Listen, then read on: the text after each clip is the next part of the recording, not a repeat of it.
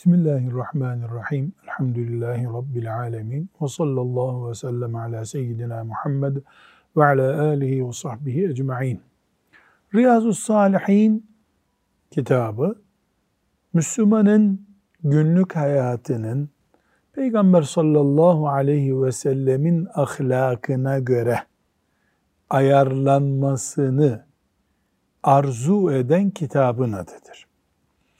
Bölüm bölüm İmam Nevevi kitabımızın müellifi rahmetullahi aleyh bunu organize etmek istemiş. Filan mesele hayatın içinden alınıp bugünkü Müslümanın o şekilde Peygamber sallallahu aleyhi ve sellemin yaptığı şekilde olmasını istiyor.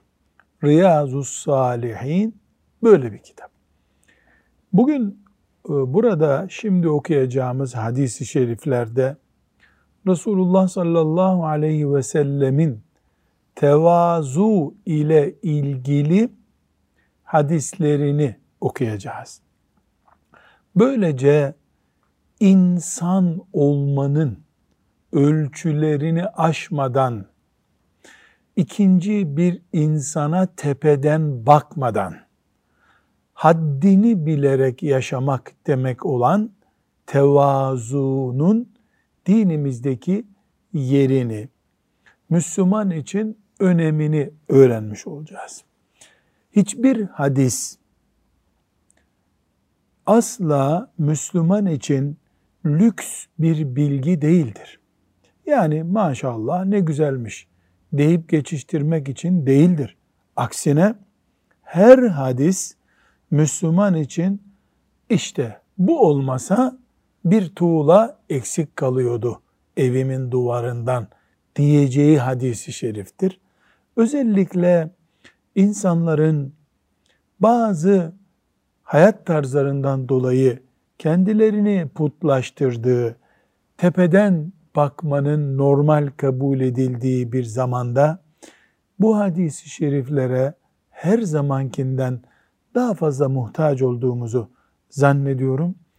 Bu bakış tarzıyla Müslüman olarak yeme, içme, oturma, kalkma, gezme, konuşma, evlenme, hatta e, iş, güç vesaire de tevazu esaslı bir hayat. Yani haddini bilerek, öbür insanı basit görmeden, kendini abartmadan ve benzeri olgun Müslüman tavrı sergilememize yönelik hadisi şerifleri bu açıdan dikkatlice dinlememizde fayda vardır Allah'ın izniyle. Önce ayeti celileler var. Allahu Teala'nın e, tevazuyu emreden, bu manayı çağrıştıran ayetleri var. Bunları önce okuyalım. Şuara suresinin 215. ayetini Hafız Salih oku bakalım. Sana uyan müminlere alçak gönüllü davran. Kim kime diyor? Allah peygamberi sallallahu aleyhi ve selleme buyuruyor. Ne buyuruyor? Seninle beraber olan müminlere alçak gönüllü davran. Alçak gönüllü davran sözü yani Efendimiz sallallahu aleyhi ve sellem öyle davranmıyor muydu? Haşa öyle davranıyordu. Yani böyle davranmaya devam et. Peygamber ki aleyhissalatü vesselam kainatın efendisi, dünya ve ahiretin efendisi, ahlakın zirvesi, e, o üstten baksaydı belki buna bir anlam verilebilirdi. Neden? E peygamber öbürleri de onun ümmeti. Hayır. Buna rağmen o alçak gönüllü olmakla emrolunuyorsa biz müminler birbirimize zaten alçak gönüllü olmaya mecburuz demektir. Evet, Maide suresinin 54. ayetinde bu mana bir kere daha karşımıza çıkıyor. Ey iman edenler! Kim ey iman edenler? Biz. Biz, biz. Kim şimdi söylüyor? Allah.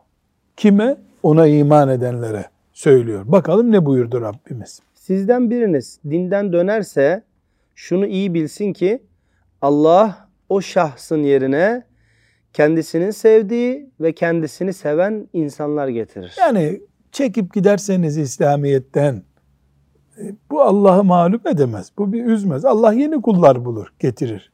Bunlar müminlere karşı alçak gönüllü, kafirlere karşı zorlu kimselerdir. Ne anlattı ayet? Bu mübarek ayet. Çekip giderse birisi Allah'a yeni mümin kullar gelir. Hem de onlar müminlere karşı alçak gönüllü, kafirlere karşı dik olurlar. Demek ki mümin nasıl olmalı? Kafire karşı dik, mümine karşı alçak gönüllü olmalı. Ayetin emri açık. Evet, Hucurat suresinin 13. ayetinden bu inceliği bir daha görelim. Ey insanlar!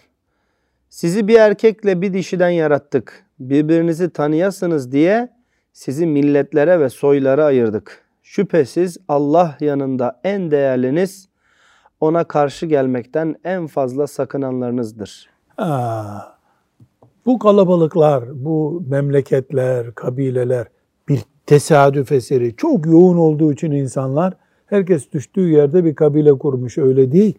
Ya nasıl? Allah beyaz siyah bölmüş. Şu kabile bu kabile bölmüş. Şu ülke bu vatan diye bölmüş. Allah bilerek yapmış bunu.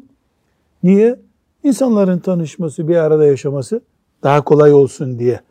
O zaman hangi ülke, hangi ülkeden, hangi kabile, hangi kabileden daha üstün? Yok böyle bir şey. Üstünlüğün tek ölçüsü var, takva. Kim Allah'tan daha çok korkarak, daha mümince yaşıyorsa o daha üstün. Evet. Bir Necm suresinin 32. ayetine bakalım. Siz kendinizi överek temize çıkarmaya çalışmayın. Çünkü kötülüklerden sakınanları Allah daha iyi bilir. Kendi kendinizin reklamını yapmayın demek bu. Allah görüyor kim nedir. Yani sen kibirli, gururlu bir adamsın. Kendini övüyorsun. Allah görüyor senin bunu hak edip etmediğini. A'raf suresinin 48-49. ayetini okuyalım. Kıyamet gününde A'raf'takiler simalarından tanıdıkları bir takım adamlara seslenerek şöyle diyecekler. Gördünüz mü o toplanıp bir araya gelmeniz ve büyüklük taslamanız size bir şey kazandırmadı. Hani Allah bunlara hiç rahmet etmez dediğiniz adamlar bunlar mıydı? Halbuki onlara şimdi girin cennete artık size korku ve hüzün yoktur denilecek. Yani Kur'an-ı Kerim'in mühim bilgilerinden birisiyle karşılaştık. Dünyada herkes parayla, forsla, siyasi güçle, koltukla değerlendirme yapıyor. Ya cennete girsek de biz zenginler olarak gireriz herhalde düşünüyor. Ama kıyamet günü cennetle cehennemin arasında beklenilirken o bu dünyada forsu, zenginliği, siyaseti, gücü bir yolla insanlara hükmetmeyi elle geçirmiş olanlar orada görecekler ki hiç beğenmedikleri adamlar haydi siz buyurun cennete denecek onlar orada çakılıp kalacaklar. Demek ki asıl olan mütevazi olmak, böbürlenmemek, insanları dünyevi değerler üzerinden zenginlikti vesaireydi, yakışıklılıktı, uzun boyluluktu, e, soyu sopu meşhur olmaktı gibi şeylerle değerlendirmemek esas olandır. Ne dedik en başta? Biz mütevazi olmak, haddimizi bilmek, öbür insanı hor görmemek, basit görmemek, kendimizi abartmamamak üzerine bir ahlak düzenimiz olması lazım. Bu ayetlerden de elhamdülillah bunu öğrenmiş olduk. Şimdi 603. hadisi şerife geldik. Bu hadisi şerif e, elhamdülillah iman ettiğimiz için bize bir şifa, bir kaynak olarak önümüzde duruyor. Allahu Teala amel etmeyi de kolay etsin. Evet. Eyyad İbni Himar radıyallahu anh'ten rivayet edildiğine göre Resulullah sallallahu, sallallahu aleyhi ve sellem şöyle buyurdu. Allah Teala bana o kadar mütevazi olun ki kimse kimseye böbürlenmesin. Kimse kimseye zulmetmesin diye bildirdi. Mütevazi olun. O kadar olun ki bunun sonunda kimse kimseye karşı böbürlenmesin. Ben senden üstünüm diye düşünmesin. Allah peygamberine buyurmuş. Bu sözün muhatabı kim o zaman? Biz, bütün insanlar. Demek ki Bir tarafta e, tevazu, kibir ve onun karşısında yani tevazunun karşısında kibir, hakaret etmek, zulmetmek, sevgi, e, saygı bu tip kavramlar arasında yani tevazu var, kibir var, saygı var, zulüm var, sevgi var, hakaret etmek var. Mümin bunlardan hangisini seçecek? Tevazuyu seçecek, saygıyı sevecek, sevgiyi öne çıkaracak, kibirden, zulümden, hakaret etmekten uzak duracak mümin. Bu kimin emriymiş? Allah'ın emri. E namaz kimin emri? O da Allah'ın emri. Demek ki namazı Allah'tan öğrendiği gibi mümin saygı ve sevgiyi, kibirsizliği, hor görmemeyi, zulmetmemeyi de kimden öğrenmeli? Allah'tan. Allah'tan öğrendiği bir şeyde de mümin laubalilik yapmaz demektir. Evet bir sonraki hadisi şerife geçelim. Ebu Hureyre radıyallahu anh'ten rivayet edildiğine göre Resulullah sallallahu aleyhi ve sellem şöyle buyurdu. Sadaka vermekle mal eksilmez. Allah Teala affeden kulunun değerini artırır. Allah rızası için alçak gönüllü olanı Allah yüceltir. Evet. Yani sadaka vermekle mal eksilmiyor. Allah Teala affeden kulunun değerini yüceltiyor. Buradaki af nedir? E baba evladını affediyor. Eş eşi affediyor. E, alçak gönüllü olanı Allah yüceltiyor. Bu hadis-i şerif 557. hadis olarak geçmişti. Orada uzunca konuşmuştuk. Dolayısıyla burada tekrar etmemize gerek yok. 605. hadisi şerife geçelim.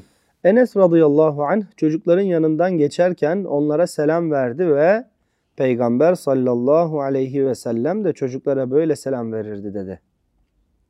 Evet. Enes İbni Malik kim? Ashab-ı kiramın en gençlerinden ve Efendimiz sallallahu aleyhi ve sellemin mübarek evine girip ona hizmet etme şerefine nail olmuş genç çocuklardan birisi. Dolayısıyla bize neyi aktarıyor? Peygamber sallallahu aleyhi ve sellem'den gördüğü şeyi aktarıyor. Ben peygamberi böyle gördüm diyor. Gördüğü şey neymiş? Resulullah sallallahu aleyhi ve sellem çocuklara selam veriyormuş. Bunu nereden anlıyoruz? Enes de kendisi yaşlı biri olduğunda çocuklara selam veriyor. Herhalde bu dikkat çekiyor. Koca sahabi küçücük çocuklara, oyun oynayan çocuklara selam veriyor. Ama Enes nasıl yorumluyor? Resulullah sallallahu aleyhi ve sellemi böyle gördüm diyor. Burada hem selam ne kadar önemli bir simge İslam toplumunda bunu öğreniyoruz. Selam ümmetiyiz biz. İki, burada Resulullah sallallahu aleyhi ve selleme tabi olanlar selam konusunda büyük ve küçük ayrımı yapmayacaklar. Büyüğe de selam veriliyor, küçüğe de selam veriliyor. Burada Efendimiz sallallahu aleyhi ve sellem böyle yaptığına göre bu onun bir tevazu, büyük bir peygamber, mi'raç görmüş bir peygamber, Medine sokaklarında oyun oynayan çocuklara selam veriyor. E peki biz onun ümmetinden biriyiz. Biz oyun oynayan çocuklara selam vermeli miyiz? E ona tabi oluyorsak, peygamberimizse elbette vereceğiz. Eğer birisi ee bu çocuklar çelik çomak oynuyor ben bunlara selam mı vereceğim derse bu hem kibir oluyor hem Resulullah sallallahu aleyhi ve sellemin sünnetine aykırı davranmak oluyor. Halbuki biz sünnete ehil olmakla mükellefiz. Peygamber sallallahu aleyhi ve sellem çocuklara da selam veriyordu, büyüklere de selam veriyordu. Bu biraz yani çocukları muhatap kabul etmeme mantığından kaynaklanıyor bazı toplumlarda. Ama biz hadisi şerif dinleyen birileri olarak ölçümüzü aldık. Resulullah sallallahu aleyhi ve sellem'den nedir o ölçü? Herkese selam. Çocuklara da selam, büyüklere de selam. Evet. Bir sonraki hadis-i şerife geçebiliriz. Yine Enes radıyallahu anh şöyle dedi. Medineli bir adamın hizmetçisi Peygamber sallallahu aleyhi ve sellemin elinden tutar, onu istediği yere kadar götürürdü. Ah, evet, hizmetçi genelde e, yani nasıl söyleyelim, küçük çağ, küçük çağlardakilere hizmetçi deniyor, öbürüne işçi deniyor değil mi? E, çünkü Arapçadaki bu hadisteki ifadede eme ifadesi var. Eme küçük kız çocuğu manasına geliyor. E, Medine'deki hizmetçi bir kız çocuğu Resulullah sallallahu aleyhi ve sellem Efendimizin elinden tutuyor. Onu bir yere götürüyor. Yani işte sana şunu göstereceğim diyor. Şimdi Efendimiz sallallahu aleyhi ve sellem la teşbih ve la temsil bir hacamcı değil. Yani Medine'de namaza giden bir yaşlı dede değil. Kainatın efendisi sallallahu aleyhi ve sellem. Küçük bir kız çocuğu bir ihtiyacı var. O ihtiyacını göstermek yani şunu bana alır mısın diyecek, şunu götüremiyorum diyecek. Orada Medine'yi müthiş bir şekilde bize tasvir ediyor bu. E, Peygamber Efendimiz sallallahu aleyhi ve sellem'den başka o kız çocuğunun amca şunu bana alabilir misin? Çuvalı kaldırabilir misin sırtıma diyeceği kimse yok mu Medine'de? Olmaz olur mu? Medine insan dolu. Medine'nin ilk senesinde nüfus sayımı var. Aşağı yukarı 3000 insan var Medine'de. Yani küçük bir şehir de değil. Şimdiki bir Anadolu ilçesine yakın mesela. Sonra yıllar sonra doldu, daha kalabalık oldu ayrı bir mesele. Ama Efendimiz sallallahu aleyhi ve sellemi en işini gördürebilir kimse olarak görüyor kız çocuğu. Buradan bir defa ne çıkıyor? Efendimiz sallallahu aleyhi ve sellemin tevazu çıkıyor. Mesela belki Ömer'e de rica etse radıyallahu anh Ömer de ona yardım ederdi. Ama şöyle bir uzaktan bakınca kız Efendimiz sallallahu aleyhi ve sellemi nazının geçeceği en iyi kimse olarak görüyor. Halbuki Efendimiz sallallahu aleyhi ve sellem e, milyarlarca meleğin belki o anda yanında bulunduğu birisi Efendimiz'deki tevazu. Bizim prestij anlayışımızda bakıldığında bu bir miktar prestij düşürücü bir şey değil mi? Adam müdür bey mesela. Gelen elinden tutuyor, götürüyor filan diyor. Nasıl idare edeceksin bu daireyi? Düşünür insan. Mesela kimseyi e, hedef göstererek söylemiyorum. Ama bir ilkokulda üçüncü sınıf çocuğu e, müdürün elinden tutup gelsene ben kırtasiyeye götürsene beni diyebilir mesela. yani bugün diyemez hocam? herhalde. Yok hocam kesinlikle söyleyemez yani. Söyler, yanılıyorsunuz. Nasıl söyler biliyor musunuz? Mesela forslu bir siyasetçinin çocuğuysa o. Onun çantasını bile müdür götürür eve kadar. Buradaki olay o değil. Bir Medineli'nin hizmetçisi köle kızı bu. Köle. fark burada. Çok büyük bir fark bu. Kim mesela valinin çocuğu okuldaysa onu kırtasiyeciye müdür götürmekten iftihar eder bile. Yani bir de müdürden bir şey istemek değil hocam. Müdürün kapısını çaldırmazlar. İşte okulun bir prestiji var, idare anlayışı var, laubalilik olur filan vesaire. Sebebi çok bunun. Ama bu hadisi daha dikkatli anlamamızı sağlıyor. Bir adamın kölesinin kız çocuğu, kız çocuğunun diri diri gömüldüğü bir toplumda yaşıyorlar. İslamiyet daha yeni kaldırmış kız çocuğunu öldürmeyi. Kızı ikinci sınıf görmeyi yeni kaldırmış daha İslamiyet. Dolayısıyla Efendimiz sallallahu aleyhi ve sellemin tevazuunun böyle bir anlatılır rakam bulamıyorum ben şimdi. Burada tabii ki bir insanın işini görme ihtiyacı var. Efendimiz sallallahu aleyhi ve sellem yaşlı biri de gel ya Resulallah şu çuvalı kaldır. Ben bunu hayvanıma kaldıramıyorum dese ona da giderdi Efendimiz sallallahu aleyhi ve sellem. Bunu anlıyoruz. Ama özellikle de küçük bir çocuğun gönlünü kırmama konusunda muhteşem bir örnek bu. Muhteşem bir örnek. Allah Enes'ten razı olsun. Ne kadar tatlı bir hatırayı bize naklediyor. Bize kıyas edildiğinde bize kıyas edildiğinde yani bilmiyorum işte okul müdürü örneği en sıradan örnek. E, hocalar olarak e, cami imamı yardım eder mi? Ederse sonra e, hutbesini okurken dinler mi onu köylü? Artık bilmiyorum. Herkesin Rabbi aynı Rab. Herkesin peygamberi aynı peygamber. Herkes aynı cennete gidecek. Herkes nefis taşıyor. Ama Resulullah sallallahu aleyhi ve sellem buydu işte. Buydu. Evet 607. hadisi şerife geçebiliriz. Esved İbni Yezid radıyallahu e, şöyle dedi. E, Ayşe'ye radıyallahu anha Peygamber sallallahu aleyhi ve sellem evinde ne yapardı diye sordular. O da şu cevabı verdi. Ailesinin hizmetinde bulunurdu. Namaz vakti gelince de namaza giderdi. Bir daha cümleyi oku. Peygamber evde ne yapardı sorusunda Ailesinin hizmetinde bulunurdu. Namaz vakti gelince de namaza giderdi. başka bir hadisi şerif daha var. Sizden kim ne yapıyorduysa evinde öyle yapardı şeklinde de ifade var.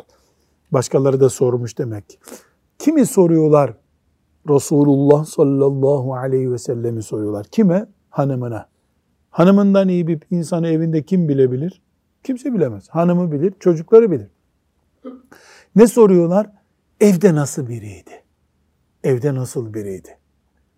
Ne bekliyorlar? Eve geldiğinde işte şöyle biz cübbesini alırdık, çoraplarını çıkarırdık. Böyle bir şey zannediyorlar. Yok sıradan bir insan. Sıradan bir insandı. Sallallahu aleyhi ve sellem. Şu kadar ki ezanı duydu mu o yok artık.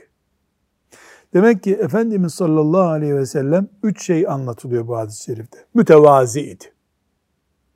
Bırak kibiri, normalinde altında bir tevazu vardı.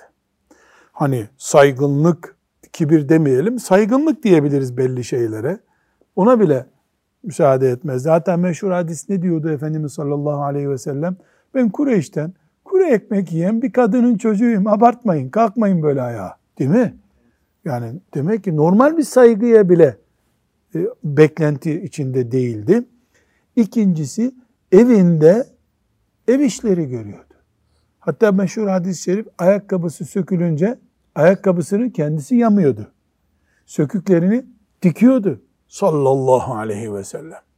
Halbuki ashabı sökük ayakkabı diktirir mi ona ya?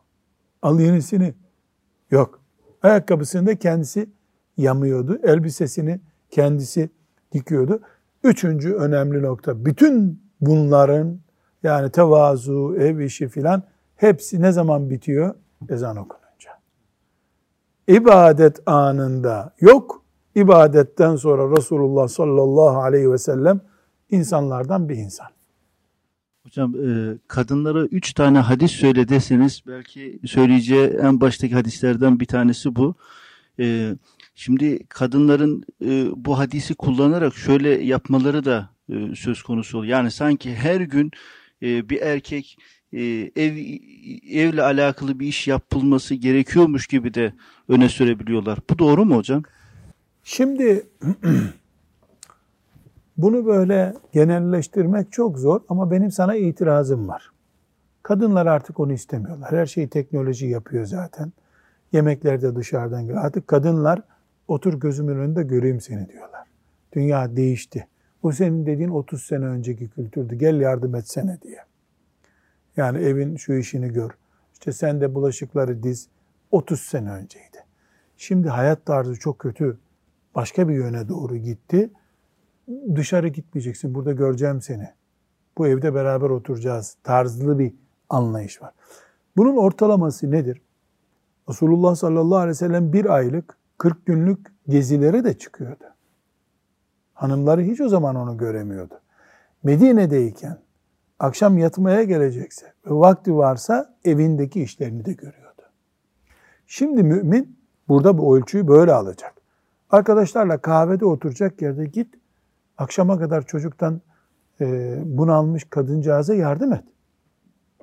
Ne olur tabakları da sen dizsen? Ne olur elektrik süpürgesini alıp da halıyı sen temizlesen? Kadıncağıza bir sürü misafir getirdin. O da yemekleri yaptı. Bari sen de bulaşıkları yıka.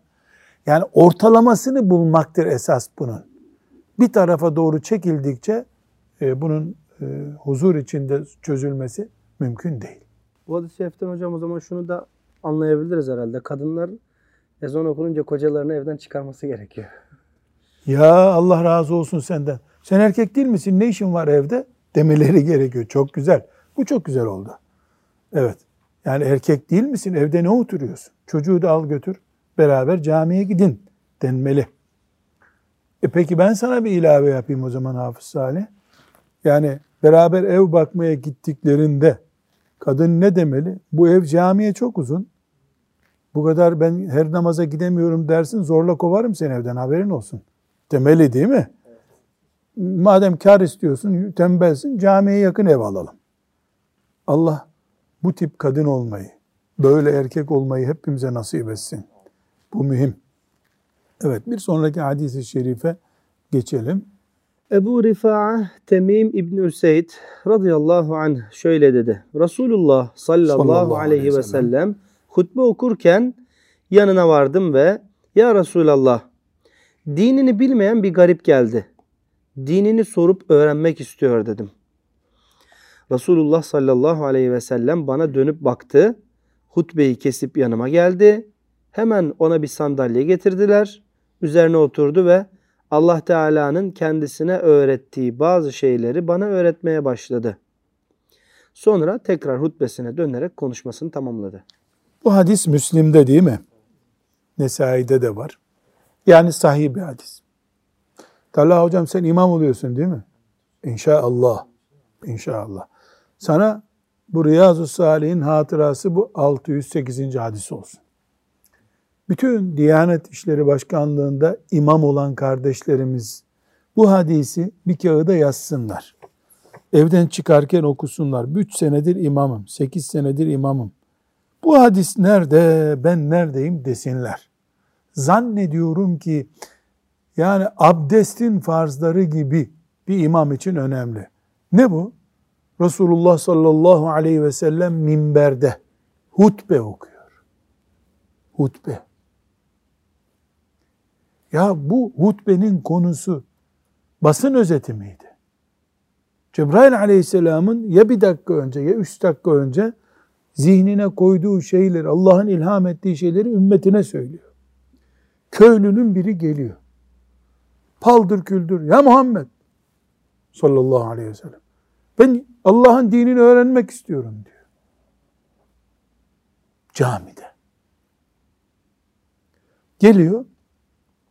Dinini öğrenmek istiyorum. Diyen adamı duyuyor Efendimiz sallallahu aleyhi ve sellem hutbeyi yarıda kesiyor. Ondan sonra adamın yanına gidiyor. Demek ki Efendimiz sallallahu aleyhi ve sellemin 60'lı yaşlarından biri olduğu için de ashab-ı kiram ona bir sandalye getiriyorlar. Demek ki Efendimiz sandalyeye oturdu. Sandalyede o günkü kültürde vardı. Demir ayaklı sandalye varmış o gün. Hadisten öğreniyoruz. Efendimiz sallallahu aleyhi ve sellem ona ne öğrenmek istiyorsun diyor. Adam işte ne sorduysa namazı, imanı ona konuşuyor Efendimiz. Hutbe yarıda kesilmiş mi? Kesilmiş. Yüzlerce belki bin sahabi Efendimizin hutbesini bekliyor mu o esnada? Sonra namaz kılacaklar mı? Evet. Adam tatmin oluncaya kadar öğretiyor mu? Ö- öğreniyor mu? Öğreniyor, öğretiyor. Sonra çekip minbere gidiyor, konuşmasına devam ediyor Efendimiz sallallahu aleyhi ve sellem. Sen imamsın. Ben hocayım. Bu hadisi kıyamet günü nereye koyacağız? Şöyle bir şey düşünüyorum Salih. Bir gün belki sen de mi beraberdin bilmiyorum. Bir camiye geç kaldık, namazı kıldık. İmam bize dedi, yani biz cemaat çıkarken girdik cami. İmam dedi ki arkada kılsanız olmaz mı ben camiyi kapatacağım dedi. Kim olduğumuzu bilmiyor. Yani bu sahneyle bunu karşılaştırabilir mi? Halbuki Diyanet ne diyor? 20 dakika bekleyeceksin cemaat çıkana kadar diyor. Namazdan önce, namazdan sonra hemen ezanla açmıyorsun kapıyı. Sadakallahu azim deyince camiyi kapatma. Yani şehir merkezinde bir camide arkada ayakkabılık gibi bir yerde namaz kıldı. Bu İmam Efendi haram işlemedi şüphesiz. Ama Resulullah sallallahu aleyhi ve sellem buydu. Bir önceliği vardı. Bir insan bir soru soruyor. Orada genel konuları konuşuyordu Efendimiz sallallahu aleyhi ve sellem. O ise bir soru soruyordu. O sorusuna cevap verdi. Ondan sonra yani bir insanın acil bir ihtiyacını gördü. Sonra Cuma hutbesine gitti. İslamiyet çölde, Medine-i Münevvere'de, Mekke'de, Taif'te bu mantıkla kuruldu. Bugünkü mantıkla da işte imamın acelesi var. Sen ondan namazı nerede kılarsan kıl. Mantığıyla da sürdürülmeye çalışıyor. Rabbim yardımcımız olsun. Ben bu hadisi şeriften korkuyorum Talha Hoca. Hoca olarak birisi bana soru soracak. Ben bugün işim var, seninle uğraşamam diyeceğim. Yani bunun bir vebal olduğundan endişem var. Rabbim muayenemiz olsun. Müftü efendiler görevlilerine bu hadisi şerife iman ediyor musun diye sormaları gerekiyor. Peki bir sonraki hadis-i şerife geçelim. Enes radıyallahu anh'ten rivayet edildiğine göre Resulullah sallallahu aleyhi ve sellem yemek yediği zaman üç parmağını da yalardı ve bu konuda şöyle buyururdu. Herhangi birinizin lokması yere düştüğü zaman bulaşan şeyi temizleyip lokmayı yesin. Onu şeytana bırakmasın. Resul-i Ekrem sallallahu aleyhi ve sellem tabağın sıyrılmasını emrederek zira bereketin yemeğin neresinde bulunduğunu bilemezsiniz buyurdu. Bir yemek terbiyesi görüyoruz sallallahu aleyhi ve sellem'den. Yani burada evvela hadisin buraya alınmasının sebebi Efendimiz sallallahu aleyhi ve sellem parmaklarıyla, şu, şu üç parmağıyla yemeği alıyordu. Kaşık yokluğundan, yediği yemek bizimki gibi sıvı yemek değil ondan. Ama parmakla yemek yemek caiz değil. Ee, illa kaşıkla yenecek denmeyeceği gibi kaşıkla yemek yemek caiz değil. İlla parmakla yenecek de denmez. Serbest bir konu bu. Artık insanoğlu kaşık kullanıyor. Mesele yok. Ama Efendimiz sallallahu aleyhi ve sellem bir, yere düşen yemeği atmayı kibir görüyor. Yani yere düştü, gözle bakıp tozunu toprağına atıp yemek yenebilir. Mesela karpuz yere düştü. Çeşmeye tutup yıkayıp yine yenmeli. İki, e, bir temizlik mantığı var burada. Efendimiz sallallahu aleyhi ve sellem yemek yemeden önce ellerini yıkanmasını istiyor. Yemekten sonra ellerini yıkanmasını istiyor. Sonra yemekte mesela baklava yendi. Parmakta baklava lekeleri onların yalanmasını istiyor. Tabaktaki e, yani tabağın sünnetlenmesi deniyor ya, e, bizzat böyle bir emir olmasa bile ulema bunu buradan çıkarıyorlar. Tabakta böyle kırıntı bırakmamayı, onu ekmekle sıyırmayı ama Talha Hoca ve Salih Hoca Efendi şöyle bir mesele var. Şimdi tabakta bir şey bırakmamak sünnettir. Amenna ve sattakna. Yemek bittikten sonra bir yarım ekmek daha kesiyorsun kalıntıdaki tereyağı için. Böylece doyduktan sonra yarım ekmek daha yiyorsun. Adına da sünnet diyorsun. İsraftan sünnet olmaz. İsraftan sünnet olmaz. Yani midemizi israf edip ekmeğin kırıntılarını topluyoruz dersek bir insanın sağlığı, midesi 500 bin ekmekle bile ölçülmez. Tamam ekmeği israf etmeyeceğiz, sofrada kırıntı bırakmayacağız. Bırakarsın onu akşam yemek olarak onu yersin göreyim seni. Yani nerede hikmetse böyle kızartının sonun, sonu biraz daha insanın sünnet aklına geliyor zannediyor. Korkarım bu bir tuzak olur şeytandan. Maazallah. Evet. Demek ki sofrada bile sallallahu aleyhi ve sellem Efendimiz mütevaziydi. Bitti. Mesele bu. Evet. Bir sonraki hadis-i şerife geçelim. Ebu Hureyre radıyallahu anh'ten rivayet edildiğine göre Peygamber sallallahu aleyhi ve sellem Allah Teala'nın gönderdiği her peygamber mutlaka koyun gütmüştür buyurdu. Bunun üzerine sahabileri sen de mi güttün ya Resulallah diye sordular. Resul-i Ekrem sallallahu aleyhi ve sellem evet Mekkelilerin koyunlarını Karariyet mevkiinde güderdim buyurdu. Evet. Bu hadis-i şerif 601. hadis-i şerifte bir kere daha geçmişti. Tevazu ile ilgili bir bölüm olduğu için burası Efendimiz tevazuunu bize gösteriyor. Peygamberlerin tevazuunu gösteriyor. Bir kere daha geçti. Bir sonraki hadis-i şerife geçelim. Yine Ebu Hureyre radıyallahu anh'ten rivayet edildiğine göre Peygamber sallallahu aleyhi ve sellem şöyle buyurdu. Eğer paça veya kürek eti yemeye davet edilsem derhal giderim. Şayet bana kürek veya paça hediye edilse hemen kabul ederim. Şimdi bu hadis burada tevazusunu göstermek için görüyor Efendimiz sallallahu aleyhi ve sellem. Paça denen şey kemik eri, bunu kaynatıyorsun kaynatıyorsun ondan böyle yağlı bir su çıkıyor yemek yapıyorsun. Ee, bir kilo et varken bu herhalde iyi bir ziyafet değil.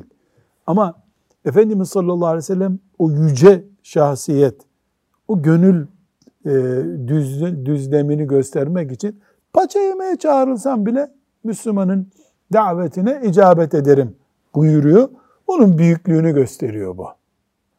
Demek ki ona e, pirzola ikramıyla kemiğin kaynatılmış şeklinin ikramı arasında fark görmüyor. Çünkü onun derdi orada yemek değil, o davet edenin gönlünü almak. Elhamdülillah. Hediye de olsa böyle yaparmış demek ki.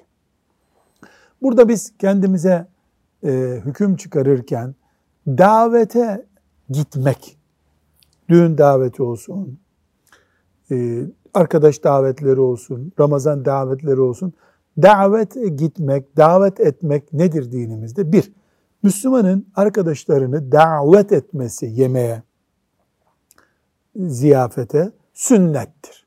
Farz değil, vacip değil. Ancak davet ettiği zaman bir Müslüman davet edilenin davete gitmesi sünnet değil. O zaman ikiye ayırıyoruz. Eğer düğün daveti ise vaciptir diyoruz. Hayır, diğer davetler, akşam biz bir beraber balık yiyeceğiz gelir misin? Ee, o zaman sünnettir. Davet etmek de sünnet, davete gitmek de sünnet. Sadece düğün davetlerinde sünnetin biraz daha vacibe doğru çıktığını görüyoruz.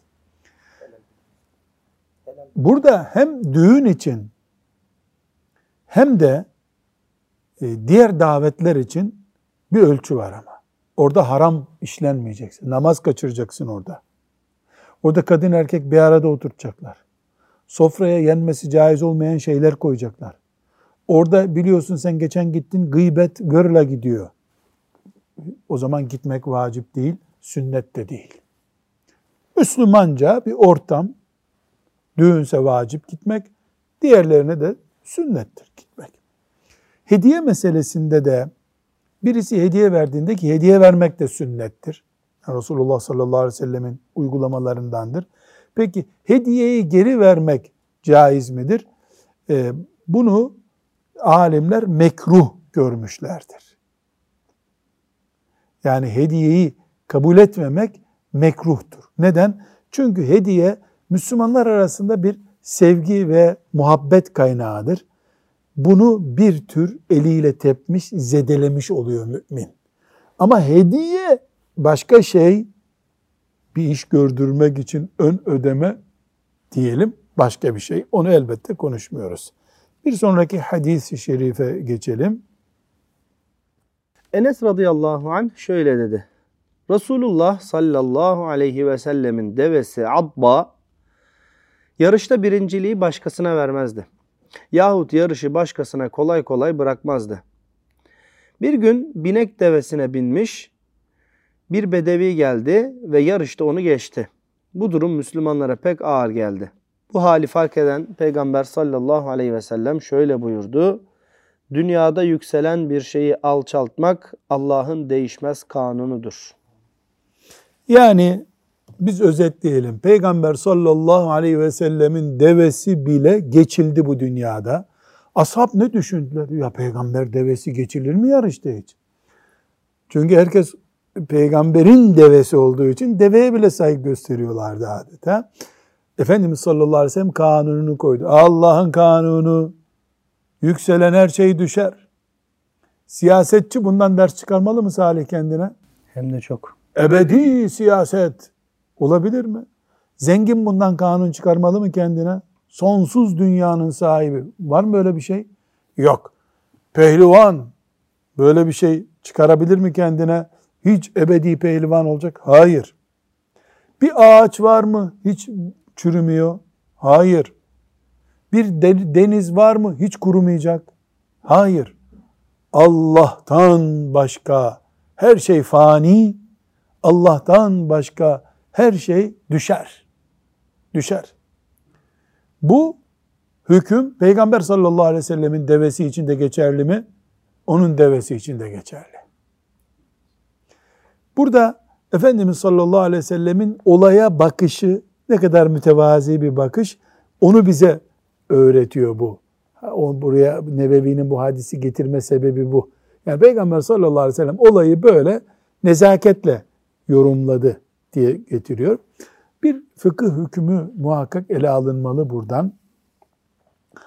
Yani bu deve yarışı caiz mi değil mi? Develer yarışıyor. Şimdiki at yarışı caiz değil. Niye? Üzerinde kumar oynanıyor. Kazanan alıyor, kaybeden bırakıyor gidiyor. Onun dışında hangi deve daha hızlı gidecek görmek için yarış yapılabilir. Ya da mesela Talha Hoca zengindir. Haydi herkes yarışsın bakalım kazanana ben hediye vereceğim dedi. Bunda da bir sakınca yok. Ama herkes parasını koyuyor. Kaybeden bırakıyor, kazanan alıyor o paraları. Bu kumar. Bu haram. Ya da seyirciler kupon ödüyorlar. Yani kupon alıyorlar. Ee, kaybeden veya kazananı tutan alıyor, bırakıyor. Bu bunlar haram. Bu hadisi şerifler elhamdülillah hayatımıza şekil verecek mübarek hadis-i şerifler oldu. Bu tevazu ile ilgili hadislerden biz neler hatırlamış olduk? Bir, hepimiz neticede insanız. Ya topraktan babamız yaratıldı diyeceğiz. Ya hepimiz babamızın, annemizin menisinden yaratıldık diyeceğiz. Dolayısıyla yaratılış aslımız bu. Kibirlenecek bir şeyimiz yok bizim. Bunu öğrendik. Tevazu bize bunu öğret. İki, Allah'ın iyi kulu olmaktan başka bir standardımız olamaz. Üçüncüsü, biz insan olarak kardeşiz.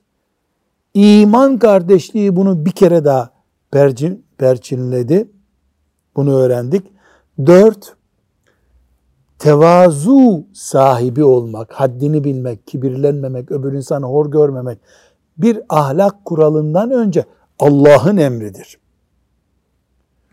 Beş, tevazu, tıpkı namazla sevap kazandığımız gibi dünya hayatında e, yaptığımız zaman Allah'ın bize ecir verdiği ve bizi manen yükselttiği bir ölçüdür. Ve altı, Resulullah sallallahu aleyhi ve sellemin sünnetine uymak, sakal bırakmak olarak anlaşıldığı gibi tevazu sahibi olmakla da ölçülmelidir. Evet, Allahu Teala dinlediklerimizle amel etmeyi ve Efendimiz sallallahu aleyhi ve sellemin sünnetlerine uymayı hepimize nasip etsin. Ve sallallahu ve sellem ala seyyidina Muhammed ve ala alihi ve sahbihi ecma'in velhamdülillahi rabbil alemin.